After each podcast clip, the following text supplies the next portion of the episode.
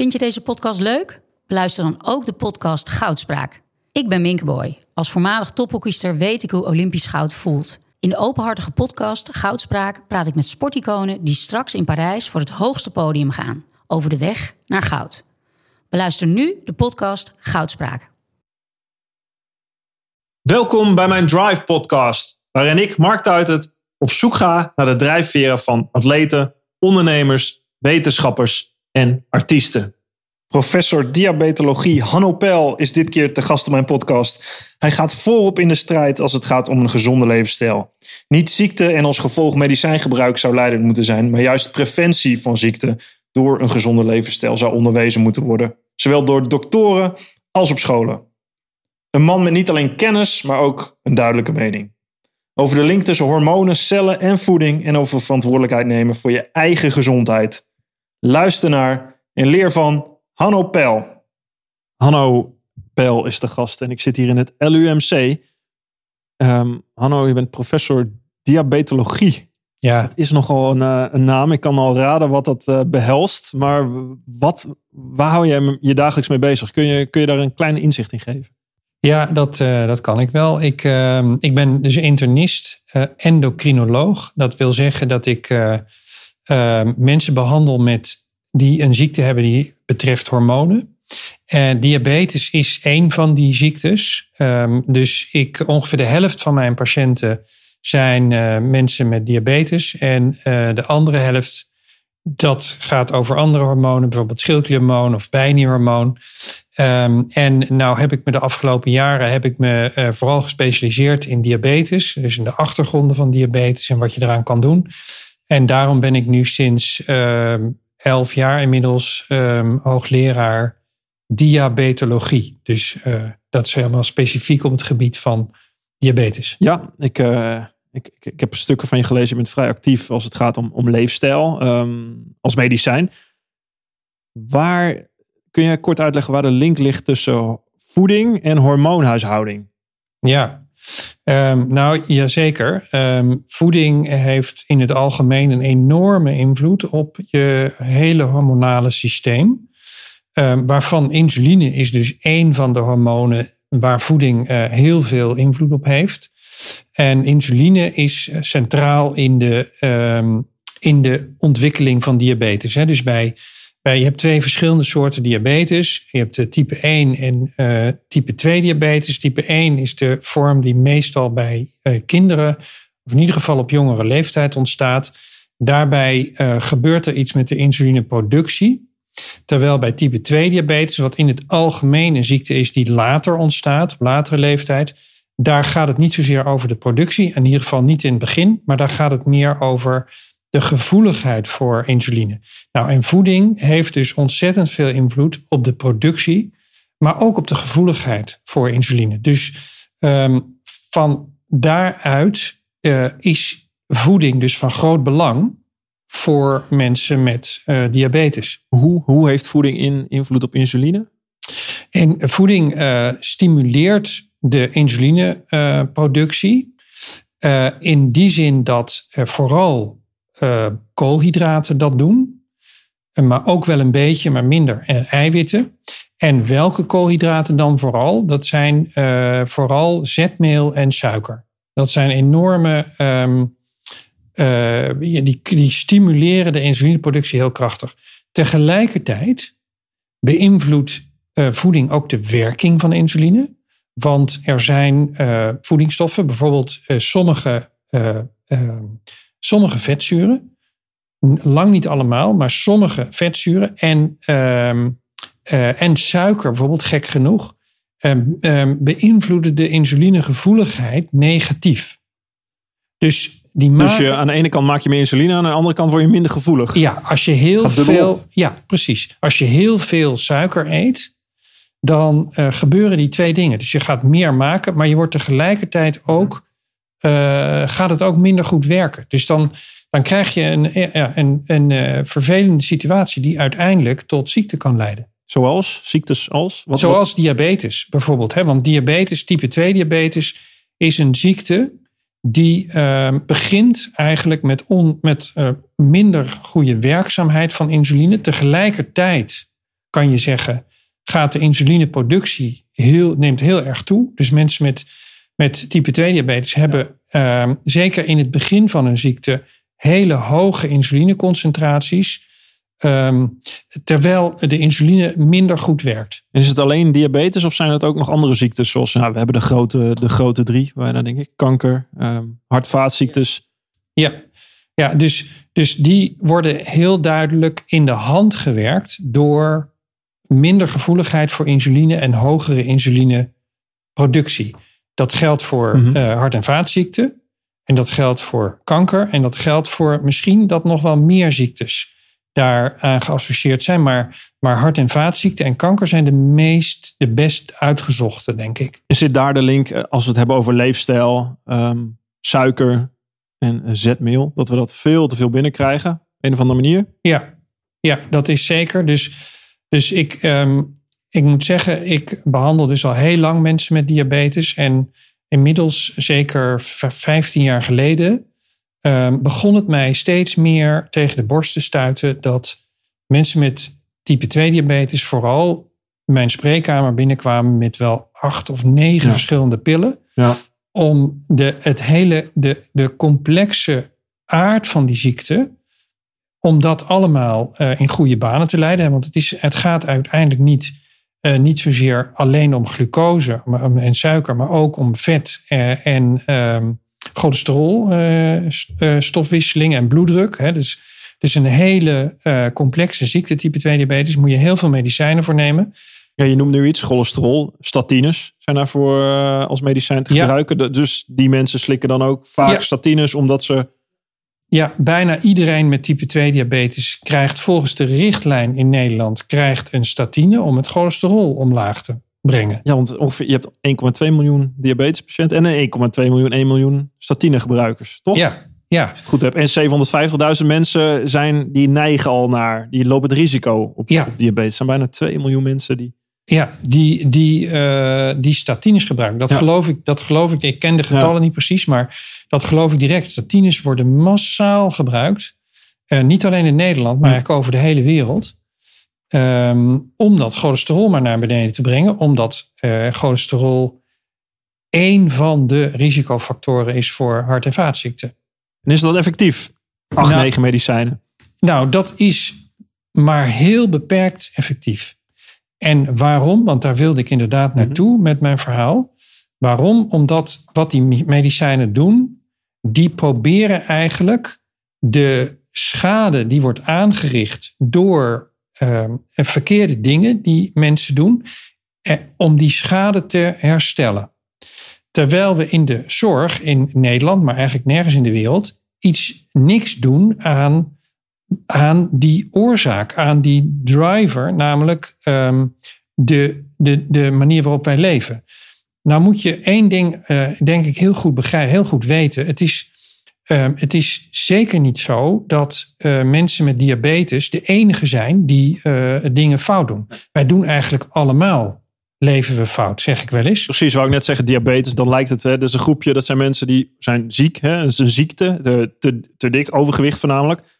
Maar er is natuurlijk een hele grote groep die dat niet heeft, maar net zo goed ongezond leeft. Juist. Ja. Dat is helemaal waar. En, want het gaat erom dat die ziektes waar we nu over hebben, dus diabetes, maar ook Mhm. hart- en vaatziekten en kanker en depressie en zelfs waarschijnlijk reuma, astma, overgewicht, zijn allemaal ziektes die zijn het gevolg van interacties, van wisselwerking tussen de manier waarop wij leven en onze genetische aanleg. En ehm, eh, dus ik zeg wel eens, we leven allemaal verkeerd. En onze genetische aanleg bepaalt eigenlijk wat voor ziekte we daarvan krijgen. Dus niet iedereen krijgt diabetes die verkeerd leeft. Eh, maar, maar mensen die het niet krijgen, die krijgen er weer een andere eh, chronische aandoening van. En voor al die ziektes geldt eigenlijk dat we proberen de schade te herstellen met medicamenten. Terwijl we niks of veel te weinig doen aan, aan de drivers Ja. van die Ja, ziekte. En je bent, dus, je bent dus eigenlijk aan het dweilen met de kraan open. Dweilen met de kraan open, maar zo zit geneeskunde ook in elkaar natuurlijk. Een studie gericht op medicijnen, eh, oorzaak, gevolg. eh, dit is het eh, medicijn wat je ervoor Ja. neemt. Ja. Maar als je om je heen kijkt, het is natuurlijk wel fascinerend om te zien dat we steeds dikker worden als maatschappij. Dat we het eigenlijk ook heel goed hebben als, als maatschappij. Eigenlijk worden we, hoe beter we het krijgen, hoe slechter het voor ons is fysiek bijna. Mentaal zou je bijna zeggen. Los van de extreem. We hebben hele geweldige gezondheidszorg. Dus we kunnen overal terecht. Los daarvan. Ja. Um, zijn wij gewoon als mensen, zijn wij, uh, ja. we leunen achterover en we laten onszelf lekker uh, ja. verteren en uh, Ja. we, we maken onszelf dik. Nee, dat is ook zo. Dus, dus wij, het gekke is dat ehm, de industriële revolutie heeft ons natuurlijk ontzettend veel goeds gebracht. Maar tegelijkertijd heeft het ons eigenlijk de techniek gegeven om onze biologische driften maximaal te bevredigen. Ja. Dus wij eh, zijn enorm geneigd ehm, en biologisch gedreven om te gaan zitten zodra we voldoende eten hebben. Dat stamt dus heel oud, die, die neiging, omdat vroeger, en kijk, wij, wij zitten nu in een levens, in een fase van onze ontwikkeling, dat we voor het eerst in alle miljoenen jaren dat wij nu op deze aarde leven, eh, voor het eerst voldoende eten hebben, altijd maar weer, 24 uur per dag, 7 dagen per week, voor bijna iedereen in onze samenleving. Dat is heel uniek, want vroeger waren er altijd periodes van voedselschaarste. Dus op het moment dat wij eh, voldoende eten hadden, moesten we vooral gaan zitten om eh, energie te sparen. Dat is, dat is biologisch in ons gekomen in de loop van een hele lange tijd. Ja, want je zegt je moest gaan zitten om, om energie te, gewoon te besparen. We hebben Ja. eten binnen. Nou, daar gaan we even heel rustig aan mee doen. Precies. Want, want er komen altijd weer periodes Ja. dat, we, dat we energietekort hebben. En dan moet je dus je reserves kunnen aanspreken. Tegelijkertijd, als er eten was, dan moesten we dat vooral allemaal naar binnen werken. Ja. We konden het niet bewaren. Hè? Er waren helemaal geen technieken voor. Dus alles moest naar binnen om ook alweer die ehm, periodes van voedselschaarste te kunnen overleven. Dus, dus die, en dan komt die industriële revolutie. En nu kunnen we opeens de hele dag door eten. En eh, de hele dag door zitten. En daar, dat is dus, daar zijn we niet voor gemaakt. En daar worden we dus ziek van. Ja, ik vind dat fascinerend om, om te zien. Dat is toch menselijk gedrag, komt het weer op neer. Want eh, hoe we onszelf bijna ziek kunnen maken. eh, door. We hebben, we hebben natuurlijk het idee. eh, ik weet niet, dat wij controle hebben over ons eigen wil. Over ons eigen gedrag hebben we vaak. Volgens mij is er heel veel onderzoek gebleken dat het zeer twijfelachtig is of we dat daadwerkelijk hebben. Maar dat denken we. Dus we zeggen ja, het is mijn eigen verantwoordelijkheid. Ik maak zelf wel uit wat ik eh, eet. Ik maak zelf wel uit wat ik doe. Eh, bemoei, me er niet, bemoei je er niet mee. Ehm, en ondertussen, als er gewoon suiker voor onze neus staat, dan eten we het op. Hoe sterk we ook denken te zijn, dat blijkt ontzettend tegen te vallen. Hoe kun je daar in godsnaam tegen op? Dan kun je nog zeggen van, hé, hey, we, we, we, wat, wat jij zegt, we moeten minder medicijnen gebruiken. eh, pas als het eh, schaap verdronken is, dem in de put. Maar hoe doe je dat? Hoe krijg je eigenlijk mensen zover dat ze hun eigen gedrag gaan aanpassen terwijl het tegen natuurlijk gaat? Ja, dat is, dat is de grote moeilijkheid waar we mee te maken hebben. Je formuleert het heel erg goed. Dus, dus wij moeten, eh, mensen moeten eigenlijk ehm, in de context van de maatschappij die wij niet voor niks gecreëerd hebben zoals die nu is, moeten ze dus dingen doen die tegen hun eigen genetische drive ingaan. En dat, dat, maakt het, dat maakt het nou net zo ontzettend moeilijk. Ehm, en ik denk persoonlijk dat als we de strijd tegen die enorme chronische ziekteepidemie, waar we nu mee worstelen, als we die echt willen winnen, dan moeten we met z'n allen besluiten nemen over onze omgeving. Want ehm, die omgeving bepaalt voor een heel groot deel ons gedrag. Hè. Dus als er, wat je net zegt, als er zoet, zoetigheden eh, en eten in de buurt is, dan gaan we uiteindelijk toch in overgrote meerderheid voor gaas. Omdat dat, omdat dat eh, in ons zit. Hè? Het is zo'n gewoonte. Ik kom bij de voetbal in de voetbalkantine. De kinderen halen een snoepje. Ik zit met een voetbalelftal en iedereen drinkt een biertje. Eh, en dat, hè, ik ben helemaal niet tegen een biertje drinken. Dat vind ik af en toe heerlijk om te doen. Maar het is bijna iedere keer als je daar bent. Iedere keer. Het is constant. Het is een gewoonte. En dat is het. Hè? Dus dat is het. Want af en toe een biertje drinken, Ja. daar krijgt niemand wat van. Maar als je dus iedere keer maar weer, als je bij die voetbalwedstrijd Ja. bent geweest, een biertje gaat drinken, Ja. ja. dan wordt het op een gegeven moment, Bij gaat het tegen je Twee werken. keer per week. Ja, Maar wat je zegt, de omgeving aanpassen. Maar eh, de, hoe, hoe doe je dat? Waar begin je? Ik kan me ook voorstellen dat het ontzettend frustrerend moet zijn vanuit jouw vakgebied. Om hier ergens jij hebt natuurlijk vaak te maken met de gevolgen die mensen ondervinden. Maar de twee stappen daarvoor, überhaupt de omgeving waarin mensen wonen, daar heb je geen invloed op. Nee, Is dat niet ontzettend frustrerend? dat is het af en toe. Ja, zeker. En dat is het, want ehm, ik realiseer me heel vaak in de spreekkamer hoe moeilijk het is voor, voor mensen om te doen wat ze eigenlijk zouden moeten doen. En eh, ik zie ze dan ook vaak terugkomen eh, met het verhaal dat het, dat het uiteindelijk niet gelukt is door, nou ja, door de dingen waar we nu over praten. En, ehm, en daar, daar heb ik inderdaad als dokter heb ik daar heel weinig invloed op. Daarom staan, ben ik ook een groot voorstander van eh, veel ehm, maatschappelijker geïntegreerde zorg. Dus ik denk dat ons zorgsysteem echt moet veranderen. Dat we, dat we toe moeten naar veel meer eh, interactie en samenwerking tussen dokters en, en de maatschappij. En, en dan heb ik het over ehm, de gemeente, eh, schuldsanering. Hè? Dus mensen die bij mij op, op het spreken komen die in de schuldsanering zitten. Die kan ik duizend keer zeggen dat ze anders moeten gaan eten. Maar dat gaan ze dus niet doen. Want ze hebben echt andere dingen aan hun hoofd. Als ze het al kunnen betalen, eh, die gezonde voeding. Eh, dus, dus er moet iets aan die schuldsanering gebeuren. Dat hoort bij zorg voor zieke mensen, denk ik. Hè? En da, daar, moeten we dus, daar moet je dus echt omdenken. Je moet echt out of the box denken. En naar een heel ander zorgmodel toe voor uh, veel van de chronische, bijna alle chronische aandoeningen waar wij nu mee worstelen. Maar dan heb je echt een hoog politiek niveau uh, waar dit moet gebeuren. Volgens mij heb je een manifest ingediend uh, ja. vorig jaar bij uh, minister Bruno Bruins.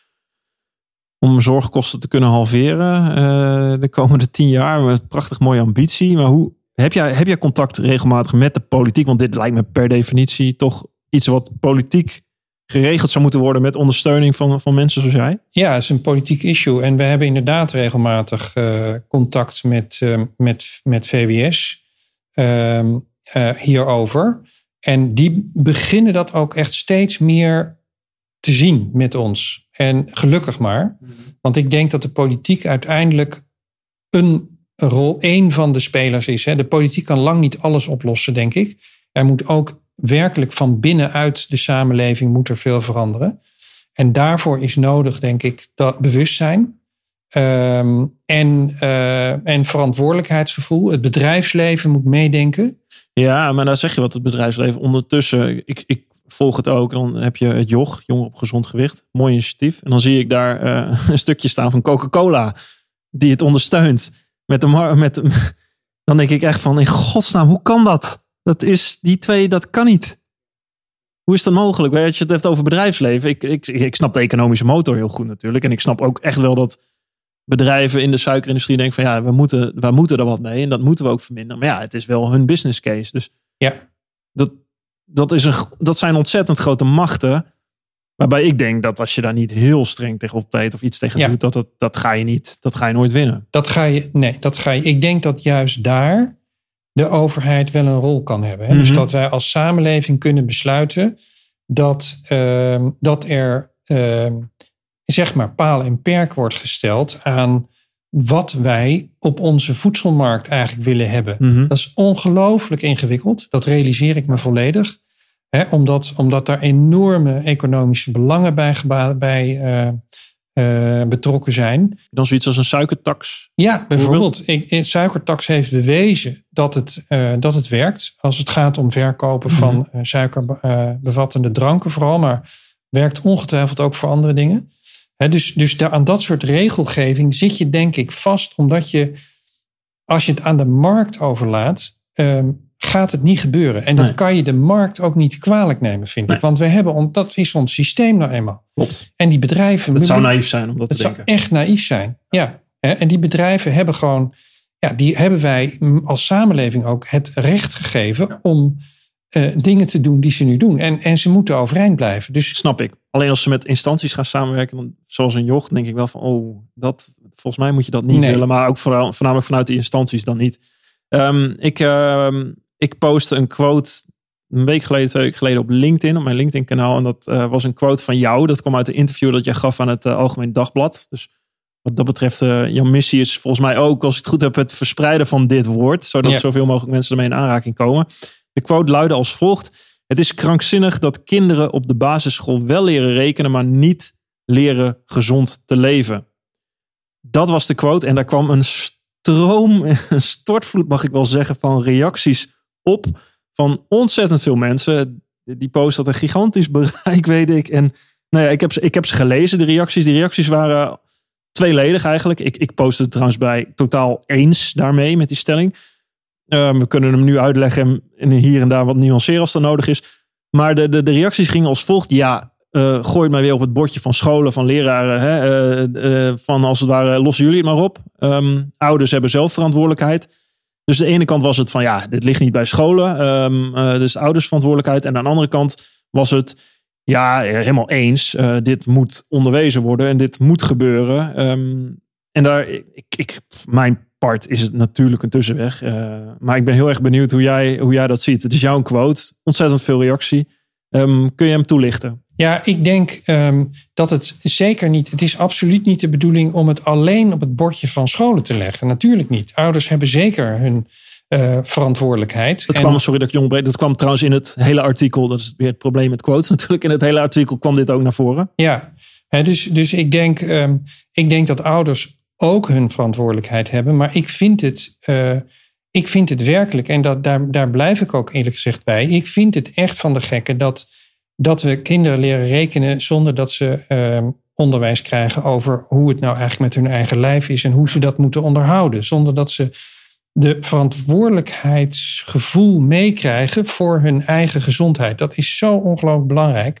En het is helemaal niet de bedoeling, natuurlijk niet, om. Uh, om onderwijzers te overbelasten met, met nog meer taken. Nee, ik vind ook dat er gewoon goed gedacht, nagedacht moet worden over het, het onderwijsaanbod. Dus als je, als je zeg maar uh, dit wilt onderwijzen, dan moet je misschien iets anders afhalen. Ja. He, dat, dat, je moet niet, niemand moet overbelast raken. Dat doen we allemaal trouwens in deze maatschappij. Maar ja, eigenlijk zeg jij, de, de, dit is zo'n grote prio. Dit is gewoon een basis, basiskennis. Is basiskennis. basisvaardigheden die je in je leven nodig hebt, lijkt me. Yes, dat is precies wat ik zeg. Want als je, niet, als je dit niet onderwezen krijgt. Ja, ik had het zelf. Ik ben topsporter geweest natuurlijk. Maar toen ik mijn topsportcarrière begon. Ik ben zwaar overtraind geweest. Nou, als je het hebt over hormoonhuishouding en de boel op zijn gat. Dat was bij mij aan het geval.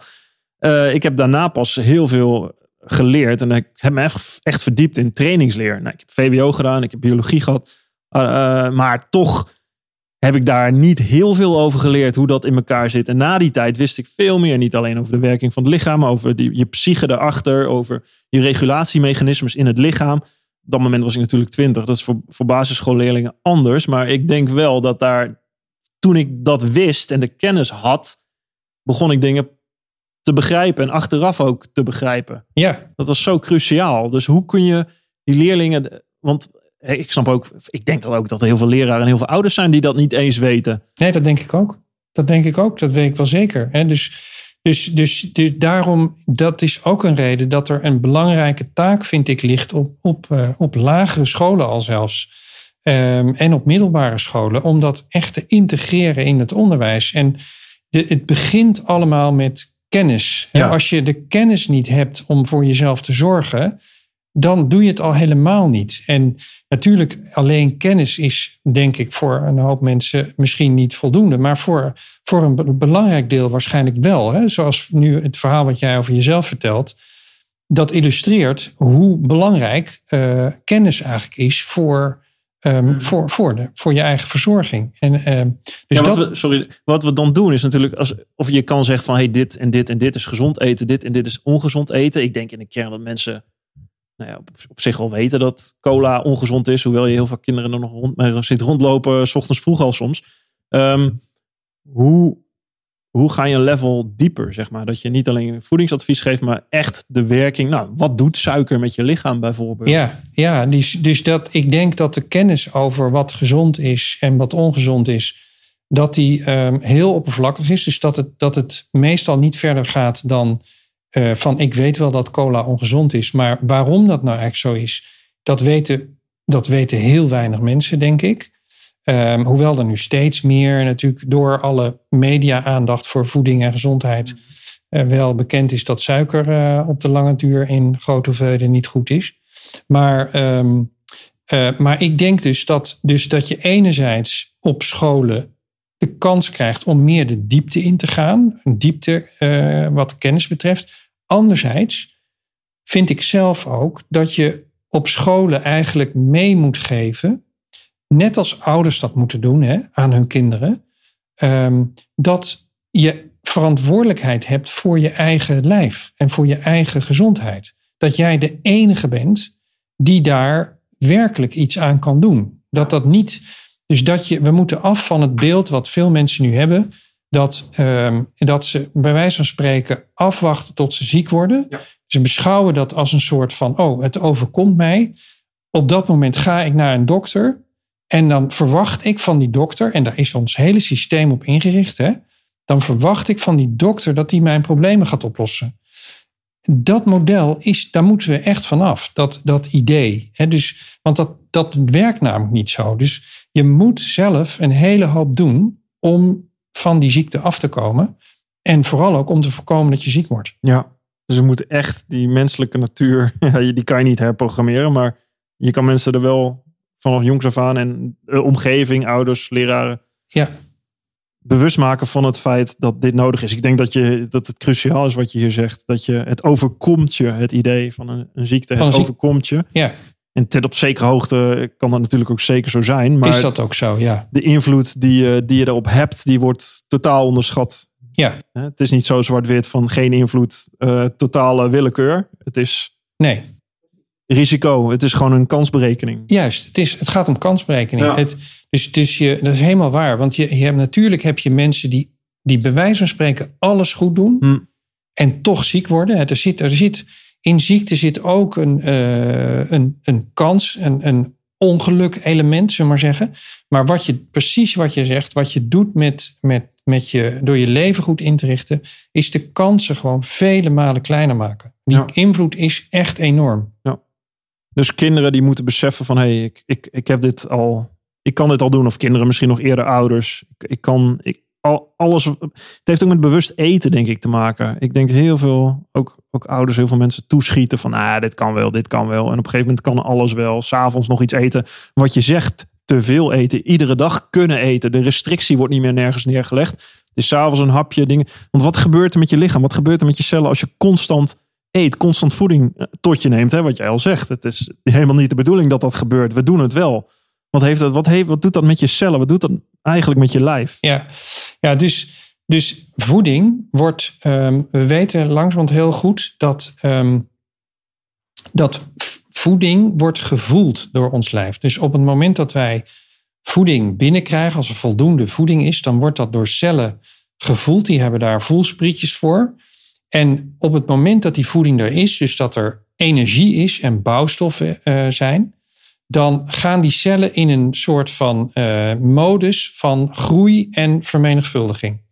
En die, uh, die, als ze in die modus schieten, dan betekent dat automatisch, dus cellen kunnen eigenlijk hun energie en hun bouwstoffen maar aan twee dingen ehm, besteden. Of aan groei en vermenigvuldiging, of aan onderhoud en herstel.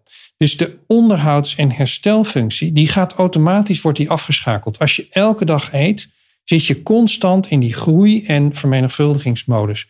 Dat maakt dat cellen eigenlijk in de loop van de tijd heel snel worden beladen met, eigenlijk met afval. Dus wij verzamelen allemaal in de loop van ons uh, leven, verzamelen we celschade. Dat is onlosmakelijk uh, met het leven verbonden. Maar als je nou, um, als je constant maar eet, dan wordt die celschade nooit opgeruimd. Want de cellen zitten voortdurend investeren ze in groei en, uh, en in vermenigvuldiging. Als we nu even niet eten, wat eigenlijk heel normaal is voor mensen. Hè? We hebben nooit, in onze, wat we al eerder zeiden, in onze hele geschiedenis zoveel eten tot onze beschikking gehad. Als we even niet eten, dan voelen cellen dat ook. Ze schakelen onmiddellijk terug naar, of onmiddellijk, maar binnen een dag of twee, schakelen ze on, eh, onherroepelijk terug naar onderhoud en herstel. En wat ze gaan doen is de celschade die is opgehoopt, die gaan ze gebruiken als brandstof. Dus ze maken zichzelf echt schoon. En ze gaan zich beschermen tegen uh, allerlei invloeden van buitenaf. Dus eigenlijk zoals je rust neemt na een zware training, zo zou je je lichaam rust moeten geven na voeding. Ja, Door juist niet te eten, gewoon water te drinken, geen nieuwe voedingsstoffen op te nemen. juist. Is dat een beetje ook het principe achter bijvoorbeeld het eh, intermittent fasting, het, het time restricted eating? Dus dat je bepaalde gedeeltes, of, of moet je langer, moet je één, twee dagen niet eten? Of, of kun je in tijds, hoe, wat, wat zijn strategieën die werken? Hoe denk je daarover? Ja, dus, dus, eh, dus is dat in, het is helemaal de gedachte achter intermitterend vasten. Ehm, en, en time restricted feeding, dus bijvoorbeeld eh 16, 8, 16 uur vasten, 8 uur ehm, eten op een dag.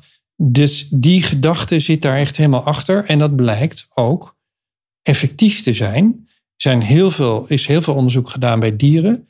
Nog betrekkelijk weinig bij mensen. Maar de principes die hierachter, de biologische principes die achter de effecten van, die, ehm, van dat vasten zitten, die zijn zo algemeen in de dierenwereld. Dat ik kan me niet voorstellen dat het bij mensen niet werkt. En bij mensen komen nu ook steeds meer onderzoeken die laten zien dat vasten echt gezond is voor ons. Hoe zou ik dat kunnen doen? Ik, ik probeer het in het weekend te doen. Dus ehm, het intermittent fasting. Dus ik ontbijt niet. Ik begin om 12 uur met lunch. En dan eh, na het avondeten 6 à 7 uur hou ik op. Ehm, hoe, is, is dat een goede strategie? Of is twee dagen in de week dan te weinig om dat te doen? Eh, is het beter om één, twee dagen totaal te vasten? Hoe, hoe zie je dat? Wat is goed voor als je het hebt over die celschade die gerepareerd moet worden? Wanneer treedt dat effect op? Want het is vrij lastig om vol te houden. Is ook zo. Ehm, en, en we weten daar eigenlijk nog, nog te weinig van. Er wordt nu wel steeds meer onderzoek gedaan bij mensen. Ehm, ik denk zelf dat als je eh, twee dagen in de week 16-8 of 16 of 17-7 ehm, eh, vast, hè, dus wat jij nu doet, dat dat mogelijk wel te weinig is om Hm. werkelijk effect te sorteren. Mhm. Eh, maar nogmaals, en zeker weten doe ik dat niet. Maar bijvoorbeeld ehm, twee dagen per week ehm, nagenoeg volledig vasten Mhm. is al een stuk beter. Ja, dat is heftig. Dat is Twee wel heftig. ja. Ja. dat is ook heftig. Dat is niet makkelijk. Dus, eh, en de een doet het makkelijker dan de ander. Maar wat ik, wat ik zelf doe, bijvoorbeeld, eh, samen met mijn vrouw, ehm, is eens in de pakweg zes weken tot twee maanden, eten we vier dagen, vier of vijf dagen achter elkaar, eten we eh, alleen maar groenten. En dan ehm, maar één maaltijd per dag. Dus alleen het avondeten. En alleen vezels. eigenlijk. Alleen vezelrijke, precies, koolhydraten. En ehm, nou, je kan er ook best een beetje vet bij eten trouwens. Dat is gek, Mhm. maar, ehm, maar wat je vooral niet moet doen in zo'n periode... is ehm, suiker en, eh, of zetmeel en, ehm, en te veel eiwit eten. Want dat zijn dus brandstoffen en bouwstoffen. En als je die niet eet, dan voelen cellen dat dus Ja. als iets... ja, als van ik moet, ik moet omschakelen. Dan gaat het proces niet aan. Nee, precies. Dan gaat het Vier, proces niet vijf aan. dagen. Ja. Kijk. Ja, dat is best. En wij kunnen dat vrij makkelijk. Ik werk ook gewoon door Hmm. in die periode. In zo'n periode. Ehm, maar andere mensen vinden het echt moeilijk hoor. Ja, ik train vijf, zes keer in de week. Ik, ik vind eh, voetbal, krachttraining, kitesurfen, skiën vind ik prachtig om te doen. Ja, Ik kan me voorstellen Ja. als ik dat vier, vijf dagen doe, dat ik even vier, vijf dagen, dan dat je ook echt... low level. Dan kan je wel wat doen, maar doen. dan moet je. Ja, dat, dat zou ik ook doen. Ik, doe, Hmm. ik sport ook redelijk veel. Niet zo, in- zeker niet zo intensief als jij, maar, maar ik, ik, ben, ik schakel ook wel een beetje terug Ja. op het moment dat we die, in die vier dagen zitten hoor. Nou, ik zal het eens met mijn vrouw overleggen, want het helpt natuurlijk als je het met z'n tweeën doet inderdaad. Enorm. Ja, ja dat lijkt eh, dat. Oh, Ja. zij zeker weet voorin. Zij, zij is ook zeker in de voeding. Ja. Wel, eh, wel mooi dat je dat zelf ook, eh, ook toepast. Zijn dat, tot slot, wat zijn, wat zijn de dingen die jij tegen bent gekomen in al je onderzoek, in al je werk vanaf begin tot einde? Wa- wanneer heb jij dingen gezien waarvan je dacht: wow, dit, dit zijn. eh, wanneer kwam dat tot je? Ik kan me voorstellen dat je onderzoek doet. Ik sprak Carol Dweck op een podcast, eh, de Engelse psycholo- eh, Amerikaanse psychologie professor. Die had dat op een gegeven moment echt dat ze dacht van, hey, dit onderzoek zegt zoveel. Dat, hoe was echt, Nou, ik, wat ik, ehm, waar, waar ik eigenlijk in, qua onderzoek misschien nog wel het meest door getriggerd ben, is, ehm, is dat ik op een gegeven moment, er kwamen steeds meer gegevens dat, dat heel eh, weinig calorieën eten type 2 diabetes echt volledig kon omkeren. Dus dat je uh, die ziekte eigenlijk van die ziekte af kon komen daardoor. En dat is, dat is al meer dan tien jaar bekend. Ja. Um, en, en dat was wel een enorme eye-opener. Nog even afgezien van wat ik nog eigenlijk nog meer indrukwekkend vond en vind nog steeds, zijn verhalen van patiënten die het ook echt voor elkaar gebokst hebben. Die dus gewoon um, 200 eenheden insuline gebruiken voor hun per dag, voor hun diabetes. En door zichzelf te managen, daar totaal van afgekomen zijn. En zich andere mensen voelen. Dat is zo indrukwekkend om dat, om dat te horen. Dan denk je, ja, weet je, eh, dan word ik echt gestimuleerd ook in mijn gevoel dat ik op de goede weg ben met mijn, uh, met mijn missie, zullen maar even zeggen. Ja. Ehm, en en dat, dat vind ik zelf ook de krachtigste verhalen, ook voor, voor andere patiënten. Ik kan duizend keer zeggen wat mensen moeten doen, maar als je zo'n verhaal hoort van iemand en die legt uit wat hij gedaan heeft, dat maakt zoveel meer indruk dan als ik daar sta met, uh, met al mijn uh, theoretische verhalen. De emoties, de verhalen, dat is wat mensen onthouden. Natuurlijk. Dat is wat mensen onthouden. Ja, die ja. verhalen delen. Ja. Uh, maar ook zeker de kennis delen die jij hier de deelt. Um, kunnen we nog een boodschap richting Den Haag sturen vanuit, de, vanuit deze podcast? Groente en fruit, die BTW moeten af. Ik, ik vind dat zo onbegrijpelijk. Dan wordt jullie hebben een leefstijlmanifest ingediend. Er wordt een plan gemaakt om aan de slag te gaan met leefstijl. Allemaal gezondheidsplannen, plannen, plannen. En dan het nieuws wat erop volgt is de BTW op groente en fruit wordt verhoogd. Dat is hoe ik, ik kan daar zo in mijn hoofd niet bij. Nee, ik, ik ook niet. Ik begrijp daar ook helemaal niks van. En ik heb me laten vertellen dat het iets te maken heeft met belastingregels, dat de belasting op groente gekoppeld is aan andersoortige belasting. Het zal allemaal wel, maar het is een volstrekt, volstrekt onbegrijpelijke maatregel. Um, dus, dus als, als we één boodschap moeten uh, en mogen meegeven aan Den Haag, is van begin nou eindelijk eens een keer met uh, regelgeving die gezondheid bevordert. Bijvoorbeeld suikertax of uh, verlaag die tax op, op, op groente en fruit. Want dat zijn dingen die zoveel gaan helpen voor de volksgezondheid. Ja, welke suikertax, suikerbelasten, groen, groente en fruit btw er helemaal af, zou ik zeggen. Zijn er nog meer dingen die we al direct kunnen doen? Oeh, dat vind ik altijd heel lastig. Het zijn al twee grote dingen het, eigenlijk. Zijn al twee hartstikke grote dingen. Misschien kijken hoe we die verhalen kunnen delen van mensen die, die hun leven zo hebben omgegooid. Ja, dat vind ik een hele goeie. Dat, dat lijkt mij ontzettend zinvol. Hm. En eh, ik ben uh, toevallig was ik anderhalf week geleden nog op, op bij VWS. En daar, daar, is, daar heerst de leefstijlgeneeskunde heel, heel erg. Het leeft heel erg. En daar was dus de suggestie. Deze suggestie deed iemand van het ehm, ministerie. Ja. Dus dit vond ik een, dat vind ik echt een heel goed idee hoor. Om die verhalen te bundelen. Dat kunnen we doen. En het curriculum op scholen misschien zo aanpassen dat niet alleen gezondheidsadvies of leefstijladvies daardoor kon, maar de, de kennis daarachter ook uitgelegd wordt en de mensen verteld wordt en verantwoordelijk gemaakt wordt. Niet alleen kinderen, maar ouders, leraren, allemaal. Wij allemaal. Zonder iemand uh, daar een stempel op te drukken dat uh, het je niet overkomt. Uh, ja. Ziek worden ten dele. Maar ja. dat je daar heel veel, dat je daar toch echt veel meer zelf aan kan doen dan je misschien wel denkt. En dat je dat bewust zou moeten doen. Bewust met je lijf bezig zijn. Bewust met je gezondheid bezig zijn. Ja. Dat zijn al uh, vier mooie punten. Nou, daar kunnen we er vast nog wel in toevoegen. dat zijn, het, misschien moeten we daarmee beginnen.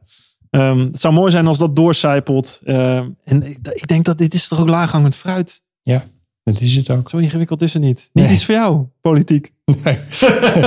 nee, voor mij ook nee. niet. Nee, nee. Nee, iedereen zijn taak, iedereen zijn kracht. Zo is dat. Um, laten we hopen dat we daar uh, misschien een klein beetje ergens uh, een, een, mindset shift op kunnen bewegen, te werk kunnen stellen. En als ik zie hoe er gereageerd wordt, onder andere op LinkedIn post en wellicht ook op deze podcast, luisteraars, als jullie willen reageren, reageer zeker. Kun je doen op mijn social media kanalen. Je weet me wat te vinden. LinkedIn werkt heel goed, Twitter ook voor reacties. Uh, ik nodig jullie van harte uit om jullie mening te delen. En uh, gezien de reacties al leeft dit enorm. Uh, dus er moet iets gaan gebeuren de komende tien jaar. Bedankt, Anopel. Heel graag gedaan. Dank je voor het luisteren naar mijn Drive podcast. Wil je nu meer afleveringen luisteren? Abonneer je dan op mijn podcast via Spotify, iTunes of YouTube. Je kan me vinden onder Drive Podcast Mark Tuitert. Of bekijk alle informatie en alle podcasts op www.firstenergygum.com. Ga je naar het tapje media en het tapje podcasts. Daar vind je alle informatie. Laat me ook weten wat je van deze podcast vindt en welke gasten jij graag zou willen horen. Dan ga ik daar werk van maken. En dat kan je doen via mijn eigen social media kanalen. Mark Tuitert. Je kan me vinden op Instagram, Twitter en LinkedIn. Ga gedreven verder zou ik zeggen en tot de volgende Drive podcast.